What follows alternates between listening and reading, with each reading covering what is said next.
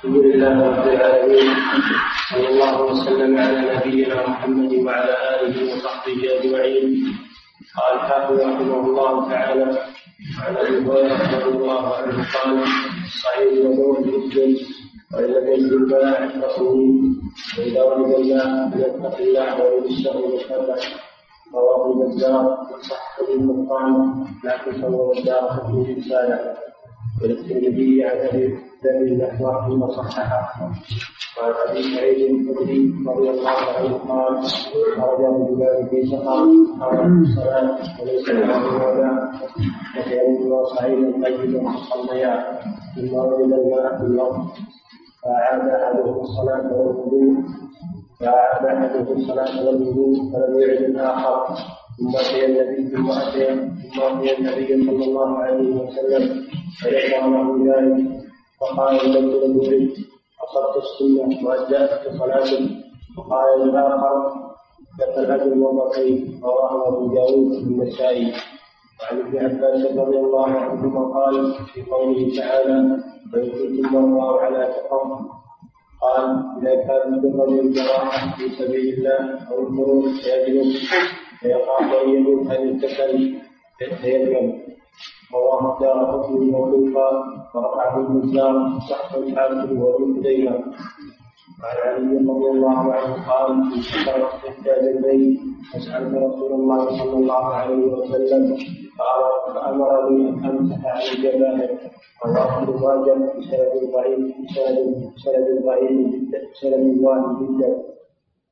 وعن جابر رضي الله عنه الرجل الذي حج فاغتسل فمات قال فيه النبي صلى الله عليه وسلم إنما كان يكفي أن يتيمم ويحسب على واحد فرقه ثم يمسح عليها ثم يغسل ظاهر جسده رواه أبو داود بسند فيه ضعف وفيه اختلاف على رواية وفيه اختلاف على رواته وعن ابن عباس رضي الله عنه قال من السنة أن لا يصلي الرجل بالتيمم إلا صلاة واحدة ويتيمم للصلاه الاخرى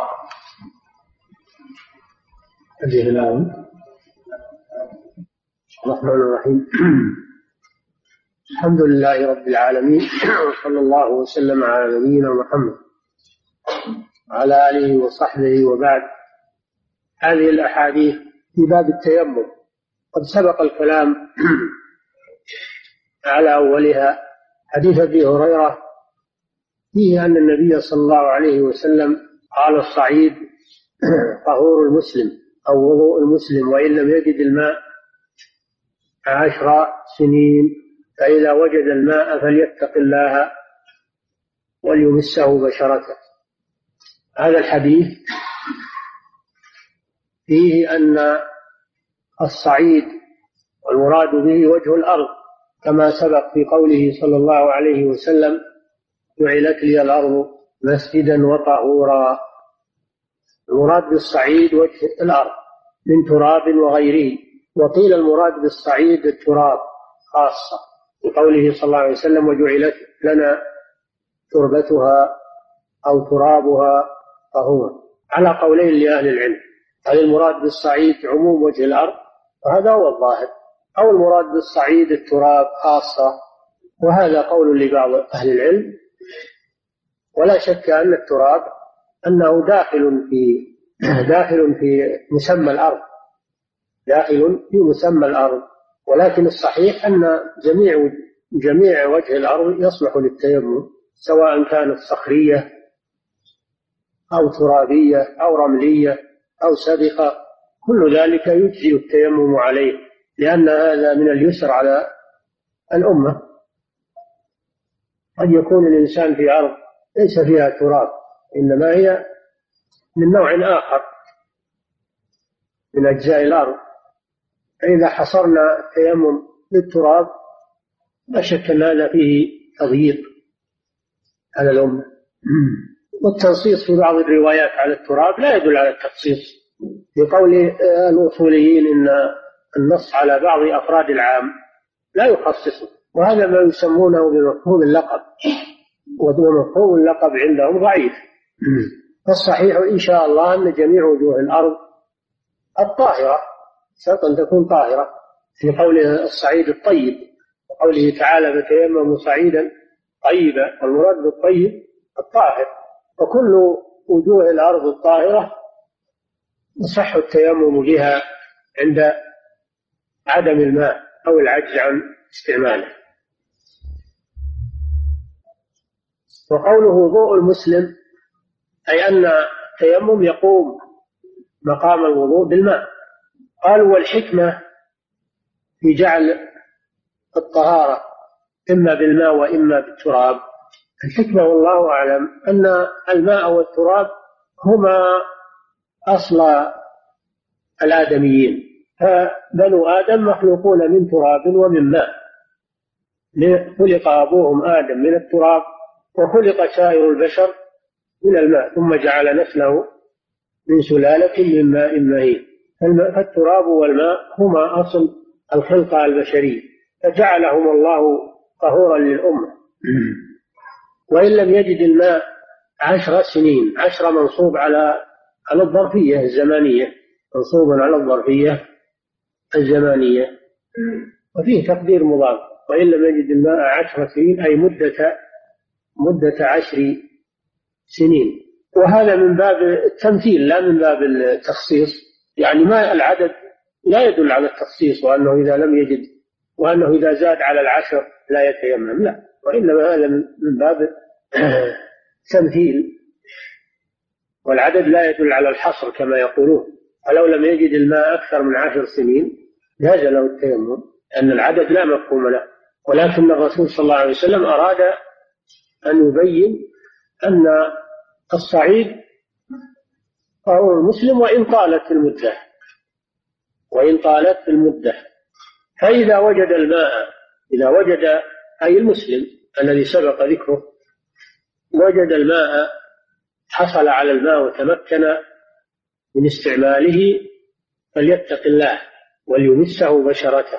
يتق الله بمعنى أن يخاف أن يخاف من الله عز وجل والتقوى هي فعل ما أمر الله تعالى به وترك ما نهى الله عنه. سميت تقوى لأنها تقي لأنها تقي المسلم من العذاب. التقوى أن يجعل العبد وقاية بينه وبين العذاب بطاعة الله سبحانه وتعالى. وطاعة الله هنا هي أن يستعمل الماء. لأن الله إنما جعل التراب بديلا عن الماء. فإذا وجد المبدل إذا وجد المبدل عنه بطل البدل. ولا يجوز البقاء على البدل مع وجود الأصل. العوام يقولون إذا حضر الماء بطل العفور هذا صحيح. إذا حضر الماء بطل العفور لأن الماء هو الأصل. والتيمم إنما جعل بديلا عنه. فمن استعمل الماء مع وجوده وتمكنه من استعماله فقد اتقى الله. ومن بقي على التيمم مع وجود الماء وقدرته على استعماله فإنه لم يتق الله بل عصى الله سبحانه وتعالى. وليمسه بشرته يمس الماء بشرته أي جلده. البشرة المراد بها الجلد. ومعنى يمس الماء بشرته يعني يغسل يغسل جلده. بالماء كما أمر الله سبحانه وتعالى. فهذا الحديث يدل على أن التيمم إنما يقوم مقام الماء عند عدم الماء وأنه مع وجود الماء لا يجوز التيمم ولا يجزي ولا تصح الصلاة به. هذا ما يدل عليه الحديث بمنطوقه. ويدل بمفهومه على أن التيمم مبيح للصلاة لا رافع للحدث كما هو قول كثير من أهل العلم.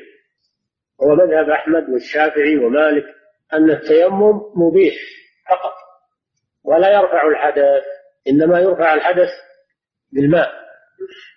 لقوله صلى الله عليه وسلم فليتق الله وليمسه بشرته هذا وجه استدلاله على أنه يمسه بشرته للزمان الماضي أن الجنابة باقية عليه أو الحدث الأصغر باق عليه الحدث الماضي والسابق.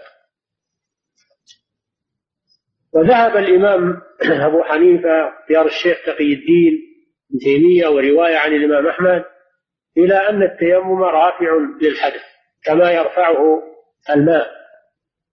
لأن التيمم بديل عن الماء فيقوم مقامه. ولأن النبي صلى الله عليه وسلم سماه طهورا في قوله صلى الله عليه وسلم جعلت لي الأرض مسجدا وطهورا سماه طهورا. فدل على أنه يرفع الحدث وأن قوله فليتق الله وليمسه بشرته يعني للمستقبل. إذا أجنب في المستقبل أو أحدث في المستقبل. أما الحدث الماضي فإنه مرتفع بالتيمم فهم مجمعون على أن أنه في المستقبل لا بد أن يستعمل الماء. إنما الخلاف في الماضي. هل ارتفع الحدث بالتيمم أو هو باق عليه؟ ولكن الله أباح له الصلاة بالتيمم مع بقاء الحدث عليه. إلى أن يجد الماء. هذا محل الخلاف. والصحيح والله أعلم هو القول الثاني أن التيمم رافع. رافع للحدث. يقوم مقامه لأن الله جعله بدلا من طهارة الماء والبدل له حكم المبدل. ولأن النبي صلى الله عليه وسلم سماه طهورا. في قوله صلى الله عليه وسلم وجعلت لي الأرض مسجدا وطهورا. الصحيح أنه رافع للحدث وأن الحدث الماضي ارتفع عنه. وإنما وإنما الكلام عن الحدث المستقبل لا يستمر على التيمم مع وجود الماء هذا القصد. فمن فعل ذلك فقد اتقى الله ومن لم يفعل ذلك وبقي على التيمم مع وجود الماء هذه المسألة الثالثة. المسألة الثالثة أن التيمم لا يجزئ مع وجود الماء والعجز عن استعماله والقدرة على استعماله مع وجود الماء والقدرة على استعماله. فمن تيمم وصلى وهو يقدر على استعمال الماء فصلاته باطلة لا تجزي لأنه صلى بغير طهارة. النبي صلى الله عليه وسلم يقول لا يقبل الله صلاة أحدكم إذا أحدث حتى يتوضأ. أما حديث جابر رضي الله عنه قال خرج رجلان في سفر وليس معهما ماء أدركتهم الصلاة فتيمما وصليا ثم وجد الماء في الوقت فأعاد أحدهما ولم يعد الآخر. ذكر ذلك للنبي صلى الله عليه وسلم. فقال للذي لم يعد أصبت السنة وأجزأتك صلاتك. وقال للذي أعاد لك الأجر مرتين. قوله خرج رجلان في سفر. سفر ضد الحضر. سفر ضد الحضر. يقال سافر إذا خرج من البلد قاصدا مسافة بعيدة.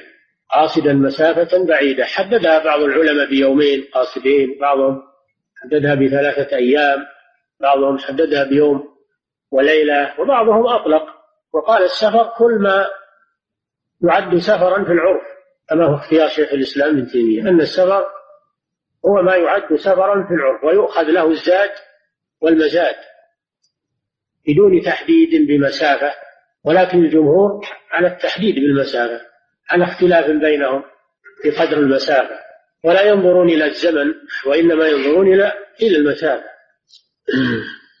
سمي سفرا قالوا لأن لأنه يقال سفر الرجل إذا خرج لأن السفور هو الظهور والبروز السفور هو البروز والظهور. فإذا خرج الرجل من البلد من البنيان فإنه قد ظهر وسفر أمام الرؤية أما ما دام في البنيان فإنه محجوب لا لا يرى. فالسفور هو الظهور والبروز ومنه يسمى سفور المرأة. إذا أبرزت شيئا من من جسمها هذا هو السفور وهو البروز والظهور ومنه سمي المسافر لأنه يبرز ويظهر من البنيان. وقيل سمي السفر سفرا لأنه يسفر عن أخلاق الرجال لأنه يسفر عن أخلاق الرجال أي يبين أخلاق الرجال. إنما يتبين الرجل بالشهامة والمروءة والكرم في السفر والوفاء بالأخوة والوعد. الأسفار هي التي تبين الرجال. أما ما دام الناس في الحضر فإنهم يتساوون ولا يدرى عن أخلاقهم ولا لكن الأسفار هي هي المحك هي المحك التي تبين أخلاق الرجال. فلذلك سميت سمي السفر سفرا وكلا المعنيين صحيح. كلا المعنيين صحيح. في سفر. وليس معهما ماء هذه عادتهم إنهم السفر ما يحملون معهم ماء كثيرا.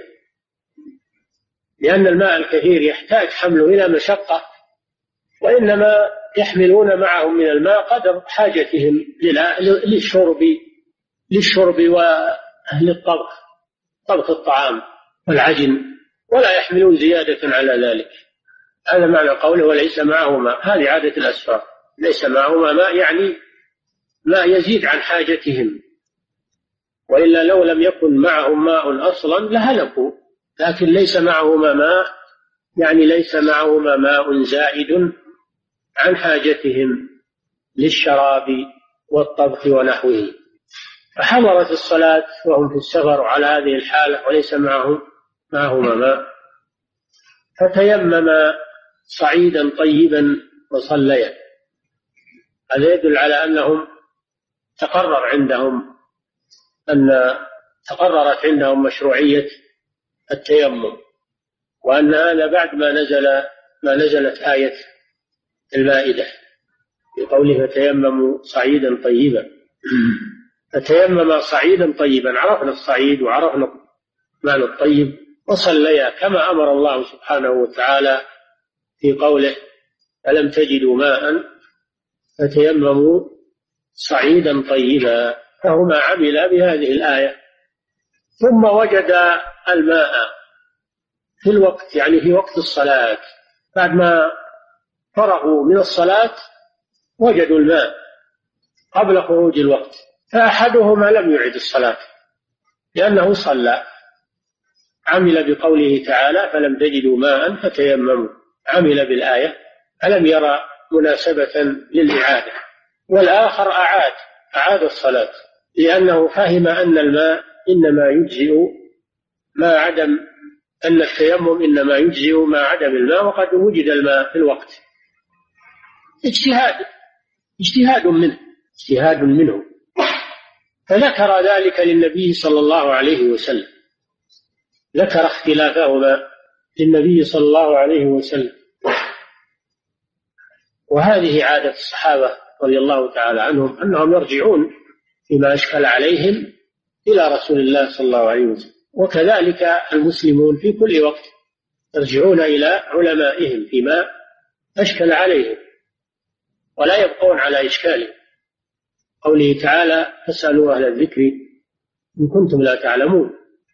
فقال النبي صلى الله عليه وسلم للذي لم يعد أصبت السنة أصبت السنة وأجزأتك صلاة. المراد بالسنة هنا الطريقة الشرعية. المراد بالسنة هنا الطريقة الشرعية المذكورة في قوله تعالى ألم تجدوا ماء فتيمموا صعيدا طيبا. وقوله صلى الله عليه وسلم أيما رجل أدركته الصلاة فعنده مسجده وطهور. هذه هي السنة أي الشرعة. السنة هي الشرعة. وليس المراد بالسنة هنا السنة الاصطلاحية. المراد بالسنة هنا السنة اللغوية. أما السنة الاصطلاحية عند علماء الحديث السنة عندهم ما وما ثبت عن النبي صلى الله عليه وسلم من قول أو فعل أو تقرير أو أو صفة. هذه السنة الاصطلاحية في مقابل القرآن الكريم لأن الأدلة أصول الأدلة الكتاب وهو القرآن ثم السنة وهي أحاديث الرسول صلى الله عليه وسلم. السنة الاصطلاحية. أما المراد بالسنة في الحديث فهي السنة اللغوية أي الطريقة الشرعية. وأجزأتك صلاتك لأنه فعل ما أمر به. ومن فعل ما أمر به بحسب استطاعته فقد أدى ما وجب عليه. من فعل ما أمر به حسب استطاعته فقد أدى ما وجب عليه. وهذا الرجل فعل ما أمر به بحسب استطاعته فأدى ما وجب عليه. فلم يرى مبررا للإعادة. النبي صلى الله عليه وسلم أثنى على فعله وقال أصبت السنة وأجزأتك صلاتك. أي برئت ذمتك من الواجب. وقال للذي أعاد لك الأجر مرتين. لماذا؟ لأنه صلى مرتين. فلك أجر على صلاتك بالتيمم ولك أجر على صلاتك بالماء. هذا معنى قوله صلى الله عليه وسلم لك الأجر مرتين أجر على صلاته بالتيمم لأنها صلاة صحيحة وأجر على صلاته بالماء أيضا. فهذا الحديث يدل على مسائل. المسألة الأولى مشروعية التيمم عند عدم الماء. مشروعية التيمم عند عدم الماء. قوله تعالى فلم تجدوا ماء فتيمموا. المسألة الثانية أن من وجد الماء بعدما صلى بالتيمم لا يعيد الصلاة ولو كان في الوقت ولو كان الوقت باقيا ولو كان الوقت باقيا فإنه لا يعيد الصلاة لأنه أدى ما عليه. إنما يبطل التيمم بوجود الماء إذا كان قبل الصلاة. وعليه يحمل قوله صلى الله عليه وسلم فإذا وجد الماء فليتق الله وليمسه بشرته. يعني إذا وجده قبل الصلاة. أما إذا وجده بعد الصلاة فإنه لا يعيد التيمم لا يعيد الصلاة لأنه صلى صلاة صحيحة. بطهارة مشروعة في وقتها. فبرئت ذمته. المسألة الثالثة في الحديث دليل على وقوع الاجتهاد في زمنه صلى الله عليه وسلم. فإن هذين الصحابيين اجتهدا.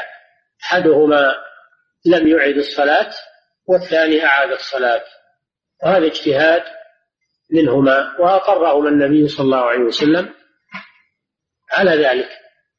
كما في غزوة بني قريظة لما قال النبي صلى الله عليه وسلم لا يصلين أحد العصر إلا في بني قريظة خرجوا بعد صلاة الظهر قاصدين بني قريظة أدركتهم الصلاة وهم في الطريق. اجتهدوا. بعضهم قال الرسول صلى الله عليه وسلم قال لا يصلي أن أحد العصر إلا في بني قريظة. فأخر الصلاة إلى أن وصل إلى بني قريظة وقد غربت الشمس. صلى عملا بقول الرسول صلى الله عليه وسلم لا أخذ بالظاهر أخذ بظاهر قول الرسول صلى الله عليه وسلم. وفريق قالوا لا الرسول يقصد السرعة في الخروج والصلاة نؤديها في وقتها. فصلوا في الطريق. صلوا في الطريق لأنهم فهموا من قول الرسول لا يصلي أن أحد إلا في بين القريضة الحث على السرعة فقط ولم يقصد وفهموا أنه لم يقصد أن الصلاة لا تؤدى إلا في بني قريظة. فصلوا في الطريق بناء على الأصل. ولما بلغ النبي صلى الله عليه وسلم ذلك أقر الفريقين ولم يأمر أحدا بالإعادة. هذا اجتهاد أقره الرسول صلى الله عليه وسلم. وكذلك هذان الرجلان. ففيه دليل على وقوع الاجتهاد في زمنه صلى الله عليه وسلم الاجتهاد المراد به الاجتهاد السائر وهو الذي يكون له احتمال ووجه من كلام الله أو كلام رسوله صلى الله عليه وسلم المسألة الخامسة ها؟ الرابعة المسألة الرابعة الحديث دليل على أنه لا يجب التلوم إلى آخر الوقت. إذا دخل وقت الصلاة وإنسان ما معه ماء ما يقول بتأخر آخر الصلاة لعلي أجد ماء لعلي أجد ماء قبل خروج الوقت. لا يلزم هذا. فلو بادر الإنسان وصلى فصلاته صحيحة. ولو أخر فلا بأس بذلك أيضا. لقول علي رضي الله عنه يتلوم ما بينه وبين آخر الوقت. فلو أخر لعله يجد ماء فلا بأس بذلك. إذا كان مظنة وجود ماء. إذا كان مظنة وجود ماء فكونه يؤخر لا بأس. وكونه يصلي في أول الوقت عملا بظاهر الحال أيضا لا بأس في ذلك. الأمر واسع ولله الحمد. نعم. الحديث الثالث حديث ابن عباس. رضي الله تعالى عنهما في قوله تعالى وإن كنتم مرضى أو على سفر؟ الآية قال إذا كانت للرجل جراحة في سبيل الله أو قروح فخشي الموت إن اغتسل فتيمم. خشي الموت إن اغتسل تيمم.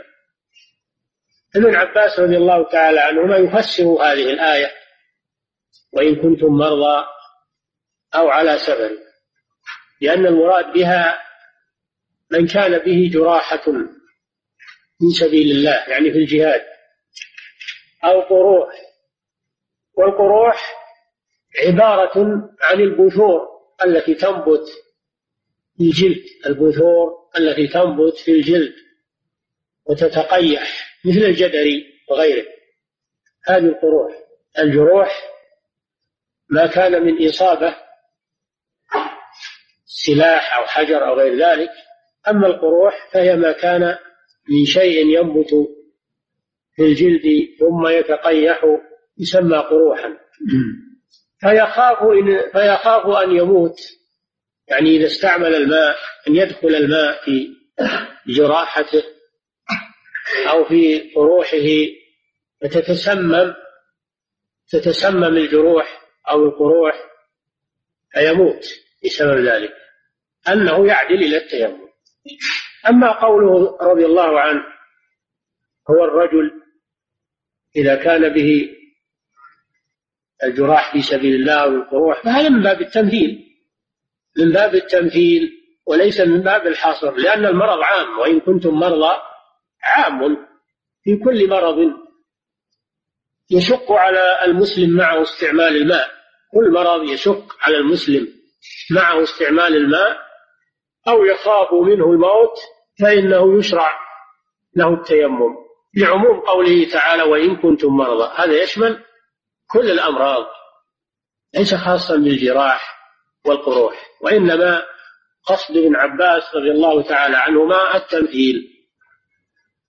لكن قول فيخاف الموت هل هذا شرط في جواز التيمم؟ أنه لا يتيمم المريض إلا إذا خاف الموت باستعمال الماء؟ هذا ظاهر كلامه. وبه أخذ الإمام أحمد الشافعي أنه لا يتيمم إلا إذا خاف الموت من استعمال الماء. وذهب جمهور أهل العلم إلى أنه يتيمم وإن لم يخف الموت. إذا خاف الضرر. إذا خاف الضرر بالموت أو ما دونه كأن يخاف تأخر البر أو تضاعف المرض عليه أو يخاف برد إصابة البرد نزلة برد كما فعل عمرو بن العاص رضي الله تعالى عنهما في سرية ذات السلاسل أنه لما خاف برودة الماء هو سليم الجسم رضي الله عنه هو قائد السرية وسليم الجسم. ولكن خاف برودة الماء فعدل إلى التيمم وأقره النبي صلى الله عليه وسلم على ذلك لما بلغ. فليس تيمم المريض خاصا بما إذا خاف الموت وإنما إذا خاف حصول المشقة إذا خاف حصول المشقة أو حدوث المرض فإنه يتيمم وإن كنتم مرضى أو على سفر. لأن المرض أحد العذرين اللذين ذكرهما الله في هذه الآية. مرضى أو على سفر عذران.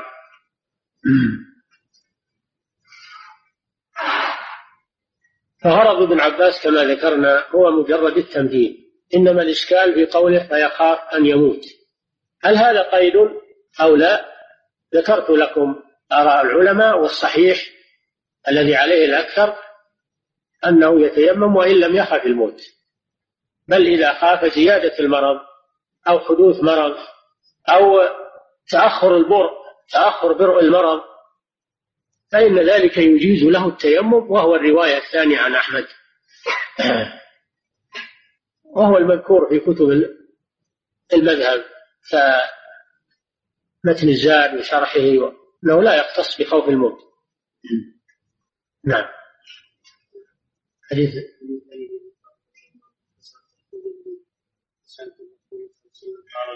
عن علي بن أبي طالب رضي الله عنه قال انكسرت إحدى زندي فسألت النبي صلى الله عليه وسلم فأمرني أن أمسح على الجبائر انكسرت إحدى زندي الزندان هما مفصل الكف من الذراع. مفصل الكف من الذراع. يتكون من عظمين. المفصل هذا يتكون من عظمين. يقال لهما الزندان. الذي يلي الإبهام العظم الذي يلي الإبهام يسمى بالكوع. والعظم الذي يلي الخنصر يسمى الكرسوع. والذي بينهما يسمى بالرسل ولهذا يضربون المثل يقولون فلان ما يعرف كوعه من كرسوعه لو قيل واحد منكم وين كوعك وين كرسوعك ما أدري تدرون ولا ما تدرون؟ ها؟ الكوع هو الذي هو العظم الذي يلي الإبهام والكرسوع هو الذي يلي الخنصر والذي بينهما يسمى بالرسل ومجموعهما يسمى بمفصل الكف مفصل الكف مثلا هذا هذا يسمى الكرسوع وهذا يسمى الكوع. هذا يسمى الوسط يسمى بالرسم. هذا قول علي رضي الله انكسرت إحدى زندي. يعني إما الكوع وإما الكرسوع. لم يعين. فسألت النبي صلى الله عليه وسلم. هذا على القاعدة كما ذكرنا أنهم إذا أشكل عليهم شيء يسألون النبي صلى الله عليه وسلم وهي السنة في الأمة. قال تعالى فاسألوا أهل الذكر إن كنتم لا تعلمون. سألت النبي صلى الله عليه وسلم عن ماذا سأل النبي؟ السياق يدل على أنه سأل النبي صلى الله عليه وسلم عن كيفية الطهارة. سأله عن كيفية الطهارة. فأمره النبي صلى الله عليه وسلم أن يمسح على الجبائر والجبائر جمع جبيرة. والمراد به ما يوضع على الكسر ما يوضع على الكسر من الأعواد. التي تشد عليه حتى يجبر. كانوا يضعون أعوادا على الكسر في اليد أو في الرجل ثم يشدون هذه الأعواد حتى يجبر الكسر الذي الذي تحتها. هذا يسمى بالجبيرة. كأنه تفاؤل بانجبار الكسر. يضمد على الكسر. هذا جبيرة. النبي صلى الله عليه وسلم أمر عليا أن يمسح. على الجبائر بدل غسل ما تحت الجبائر.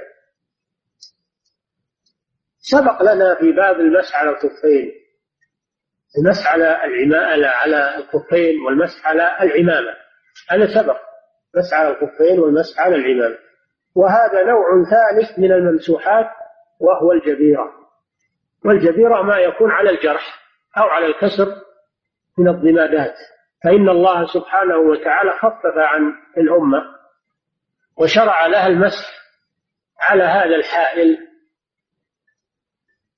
وأنه يكفي عن غسل ما تحته لأنه لو أزال الجبائر أو أزال اللصوق أو الضمادات تضرر بهذا وانتقض عليه الجرح. الله خفف عنه وشرع له المسح على هذا الحائل ويكفي عن غسل ما تحته. وهو الذي أمر به النبي صلى الله عليه وسلم عليا في هذا الحديث. وهذا من باب التيسير والتخفيف على الأمة. ففيه مشروعية المسح على الجبيرة وعلى كل ما يشد على الجرح وأن هذا يكفي عن غسل ما تحته. لكن هذا الحديث ضعيف لأنه من رواية خالد بن عمر الواسطي وهو كذاب يقولون. ولكن الحديث الذي بعده حديث جابر الذي بعده في قصة صاحب الشجة يؤيده ولذلك ساقه المصنف بعده. فالمسح على الجبيرة أو على الضماد الذي على الجروح أو ما يسمى باللصوق هذا مشروع. قالوا وتخالف الجبيرة تخالف المسح على الخفين وعلى العمامة. تخالفها في أحكام. أولا أن المسح على الجبيرة لا يتحدد بمدة وإنما يمسح الإنسان ما دام محتاجا إلى بقاء الجبيرة ولو طال الوقت. أما المسح على العمامة وعلى الخفين فهو يوم وليلة للمسافر وثلاثة أيام يوم وليلة للمقيم وثلاثة أيام للمسافر. المسح على على العمامة وعلى الخفين محدد بوقت للمقيم وللمسافر. أما الجبيرة فإنها لا تحدد بوقت بل يمسح عليها ما دام محتاجا إلى بقائها ولو طالت المدة. الفارق الثاني أن المسح على الخفين وعلى العمامة إنما يشرع في الحدث الأصغر. أما الحدث الأكبر فيجب خلعهم بخلاف الجبيرة فإنها يمسح عليها في الحدث الأصغر وفي الحدث الأكبر. الفارق الثالث أنه يشترط في المسح على الخفين وعلى العمامة أن يلبسهما على طهارة لقوله صلى الله عليه وسلم المغيرة بن شعبة لما أراد أن ينزع خفيه قال دعهما فإني أدخلتهما طاهرتين بخلاف المسح على الجبيرة فإنه على الصحيح من قولي العلماء لا يشترط أن يلبسهما على طهارة. لو لبسهما وهو غير متطهر جاز المسح عليهما. الفارق الرابع أنه يكتفى بمسح ظاهر الخف يكتفى بمسح ظاهر الخف وظاهر العمامة. بخلاف الجبيرة فإنها يمسح عليها كلها. يمسح عليها كلها. ولا يترك منها شيء لا يمسح عليه. هذه فوارق بين الجبيرة وبين العمامة والخف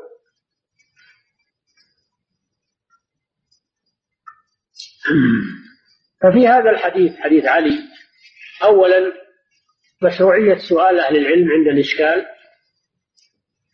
لأن عليا سأل النبي صلى الله عليه وسلم هذه قاعدة معروفة.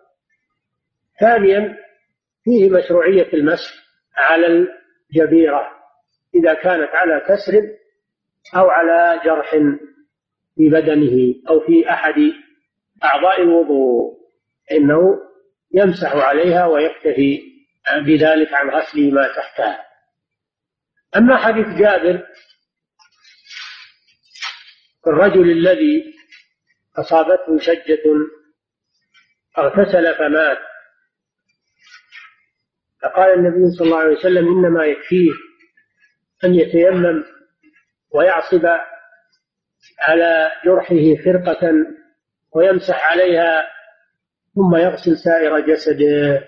هذا الحديث له قصة اختصر على المصنف وهو أن جماعة خرجوا في زمن النبي صلى الله عليه وسلم مسافرين فأصابت أحدهم حصاة في رأسه فشجته. ثم احتلم في الليل احتلم. فسأل من معه من الصحابة هل له رخصة في أن يتيمم؟ قالوا لا نجد لك رخصة. فاغتسل دخل الماء في شجته ومات. فلما بلغ النبي صلى الله عليه وسلم ذلك قال قتلوه قتلهم الله. ألا سألوا إذا لم يعلموا؟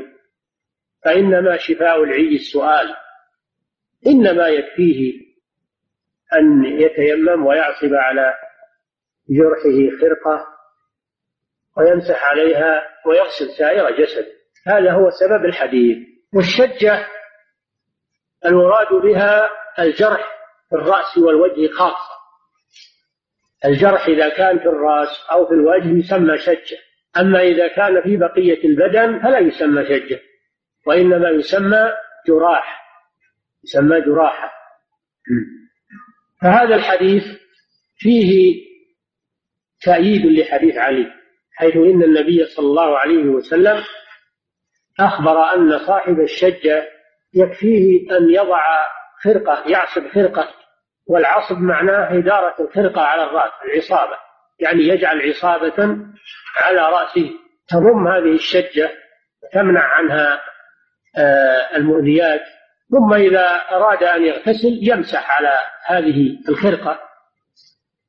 كما أمر النبي صلى الله عليه وسلم أن يمسح عليا أن يمسح الجبائر سواء. يمسح الخرقة ويغسل سائر جسده.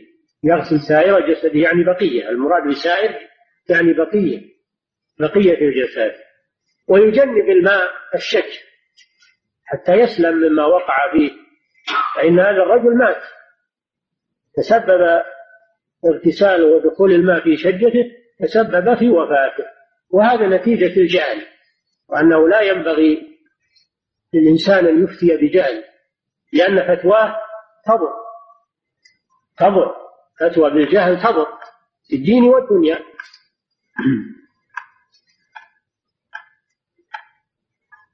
هذا الحديث يدل كما دل حديث علي على أن الجراحة والكسر إذا كان عليهما إذا كان عليهما شد فإنه يمسح عليه في الطهارتين الكبرى والصغرى.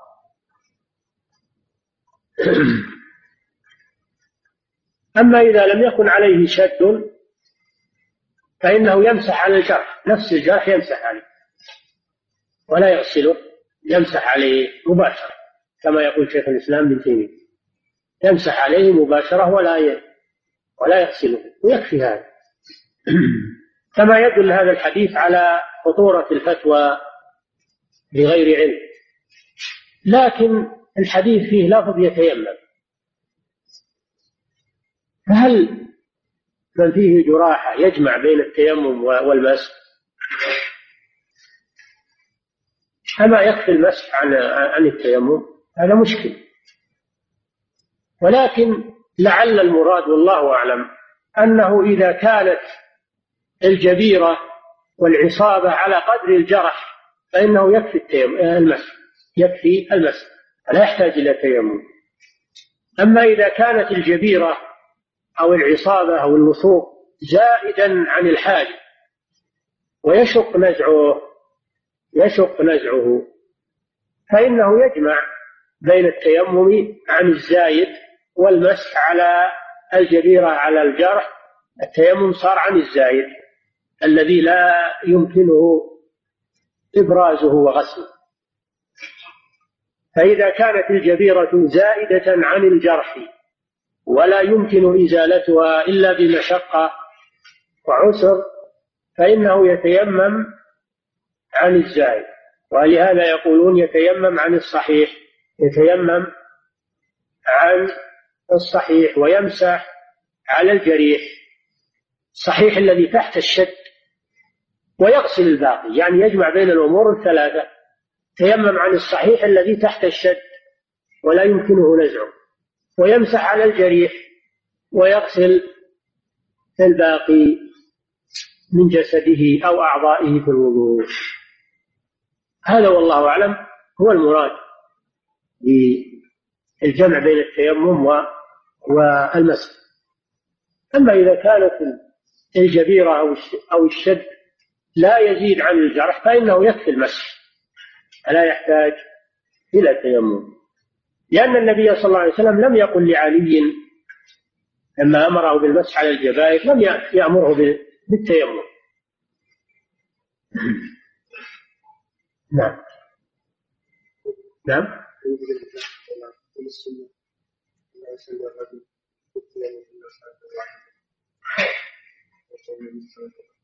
نعم.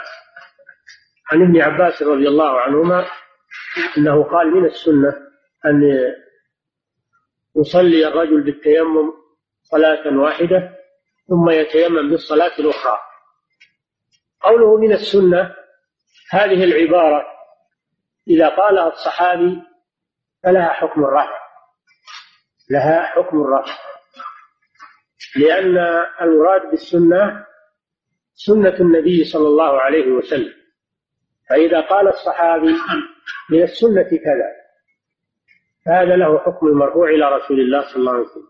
أو قال كنا نؤمر بكذا أو ننهى عن كذا أو كنا نفعل هذا في عهد رسول الله صلى الله عليه وسلم. فهذه العبارات لها حكم الرفع عند علماء الحديث. وقوله من السنة أي سنة الرسول صلى الله عليه وسلم. فهذا العمل له حكم الرفع أنه أن يصلي بالتيمم صلاة واحدة ثم يتيمم للصلاة الأخرى. هذا الحديث يدل على أن مفعول التيمم ينتهي بالصلاة وأنه إذا أراد أن يصلي صلاة أخرى فلا بد من تيمم آخر. وهذا يؤيد قول من قالوا إن التيمم مبيح مبيح للصلاة وليس رافعا. للحدث. لأنه لو كان رافعا للحدث لما احتاج إلى أن يتيمم للصلاة الأخرى. كالمتوضي إذا توضأ يصلي ما دام وضوءه باقيا يصلي. فلو كان التيمم مثل الوضوء لما احتاج إلى أنه يتيمم لكل صلاة. ولكن هذا الحديث لا تقوم به حجة. حديث هذا لا تقوم به حجة. لأنه ضعيف شديد الضعف فلا يقاوم الأحاديث والأدلة التي تدل على أن التيمم رافع للحدث وليس مبيحا فقط لا يعارضها هذا الحديث لضعفه. فعلى هذا إذا تيمم فإنه يصلي ما شاء ما دام لم ينتقض تيممه بناقض من نواقض الوضوء.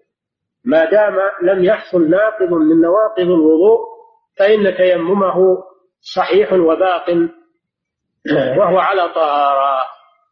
والله تعالى أعلم. صلى الله وسلم على نبينا محمد. وبهذا ينتهي باب التيمم. نعم. بسم الله الرحمن الرحيم. صلى الله وسلم على نبينا محمد وعلى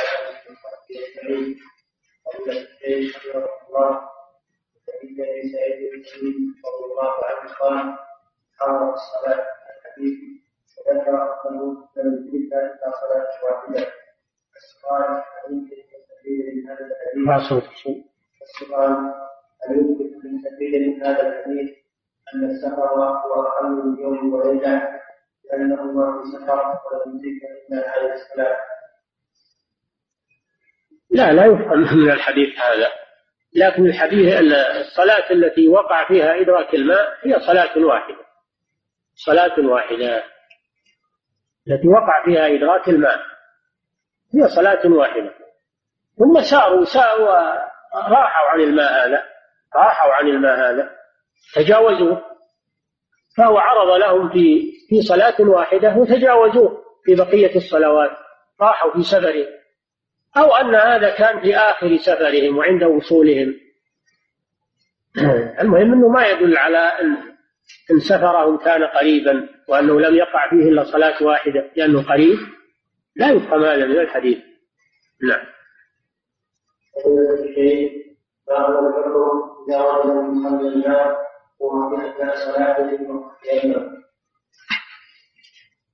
إذا وجد الماء وهو في أثناء الصلاة بطلت.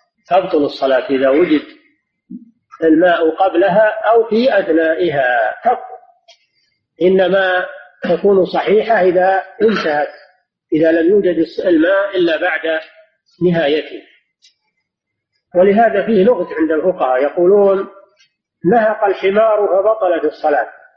هل نهيق الحمار يبطل الصلاة؟ إذا سئلت.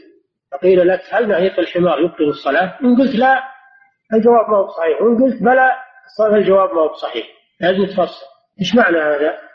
معناه أن الحمار لما نهق دليل على أنه حضر الماء لأن الحمار يروون عليه يجيبون عليه أجرة آه فنهيقه دليل على حضور الماء. فإذا نهق وأنت تصلي بطلت صلاة لأن الماء حضر. نعم.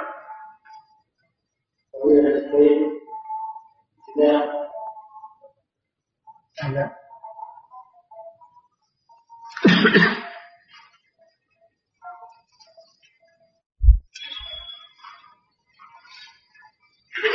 نعم فضيلة الشيخ ما فضيلة الشيخ علم الإنسان إذا علم الإنسان الماء وهو مسافر ثم دخل وقت وهناك قرية ليست بعيدة وعلى طريق السيارات ويملك بذنبه عن يتيمم أو يذهب بطلب الماء سواء من القرية إذا كان الماء قريبا منه فإنه يجب عليه الذهاب إليه.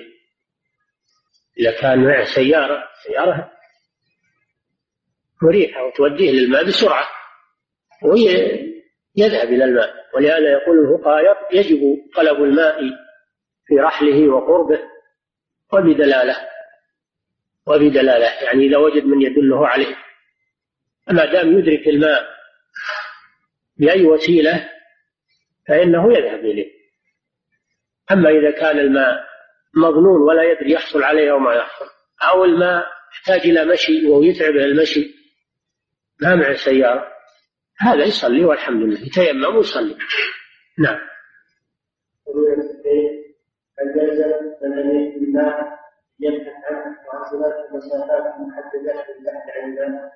إذا كان إذا كان البحث عن مظنة الوجود وجوده يبحث عنه يجب يقولون يجب عليه طلب الماء أي البحث عنه. فإذا كان البحث عن مظنة وجوده فإنه يبحث. أما إذا كان ما ما هو مظنة وجود ماء؟ ما هنا علامات ولا هنا آه، قرائن تدل على وجود ماء قريب فإنه لا يلزمه البحث. نعم.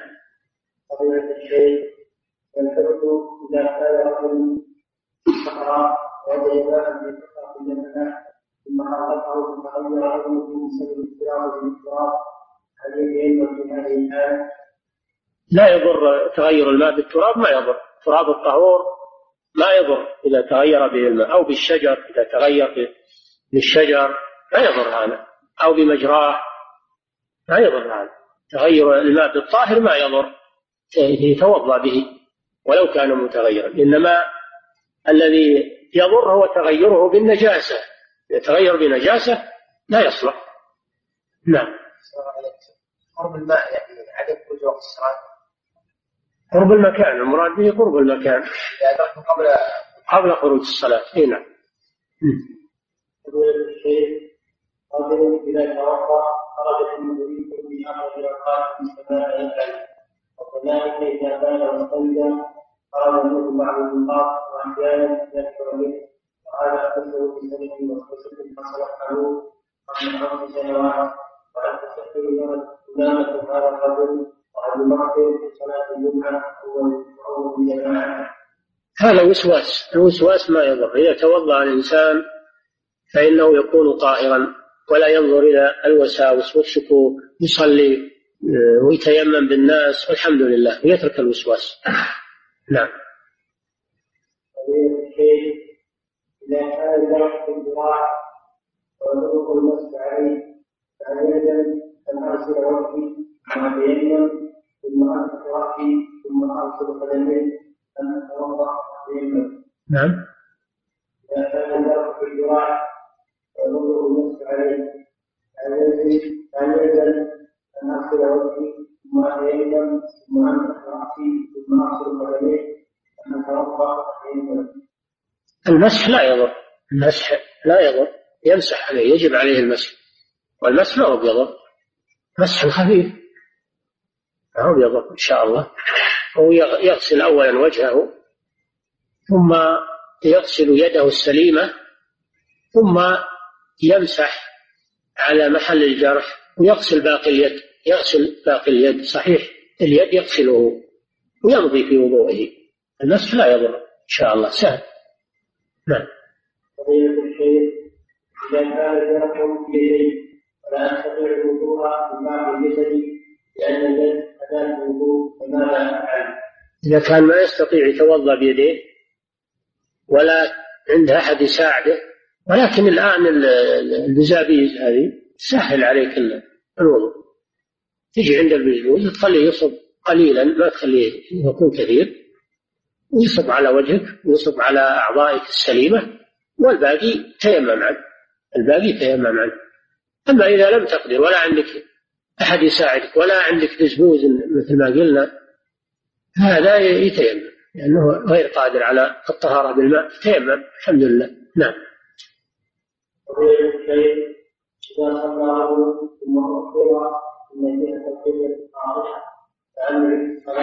إذا ثم هذا فيه تفصيل. إذا كان إن في بر واجتهد وصلى في بر ولا عنده أحد يسأله ولا عنده علامات يعرفها واجتهد وصلى ثم تبين له الخطأ صلاته صحيحة صلاته صحيحة قال تعالى فأينما ولله المشرق والمغرب أينما تولوا فثم وجه الله. قالوا إنها نزلت.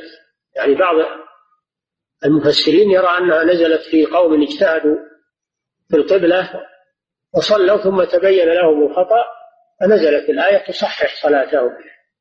فإذا اجتهد الإنسان ولا عنده علامات ولا أحد يسأله؟ واجتهد وصلى وصلاته صحيحة. أما إذا كان عنده أحد يسأله ولكنه قصر تكاسل هذا لا عذر له. يعيد الصلاة. يعيد الصلاة. نعم. إذا كان هناك رجل كان مدينا ولم تكن تركته تركته من الدين يعني أن يدفع على صدقة أو زكاة صدقة لا بأس. صدقة يتبرع واحد يتبرع واحد ويوفي عن دينه هذا طيب. النبي صلى الله عليه وسلم لما جاء بميت يصلي عليه قال هل عليه دين؟ قالوا نعم ديناران. فتأخر النبي صلى الله عليه وسلم وقال صلوا على صاحبكم. فقال أحد الصحابة الديناران علي يا رسول الله. فتقدم النبي صلى الله عليه وسلم وصلى عليه. فإذا تبرع واحد من المسلمين بسداد دين الميت هذا شيء طيب وله في ذلك أجر. وفكاك لأخيه المسلم. أما دفع الزكاة عن الميت في الدين يعني دفع الزكاة في تسديد دين الميت هذا محل خلاف بين العلماء. الجمهور على أنه لا يصح. لأن الله قال وآتوا الزكاة والزكاة تعطى للأحياء تعطى للأحياء. الميت لا يمكن إيتاؤه الزكاة لأنه ميت. لازم الإيتاء يكون هناك طرف ثاني يأخذ الزكاة. هذا قول الجمهور. وعند بعض العلماء أنه لا بأس أنه تدفع به دين الميت يسدد عنه دين الميت لكن هذا محل نظر. الأول هو قول الجمهور. لكن باب التبرع هذا مفتوح ولا إشكال فيه ولا خلاف فيه. نعم. حتى الوارث يا شيخ كله سواء كله سواء الوارث وغيره. الوارث ما يلزمه الوارث أو القريب ما يلزمه يسدد دين قريبه ما يلزمه لكن إذا فعله هو من باب البر والإحسان والصلة. نعم.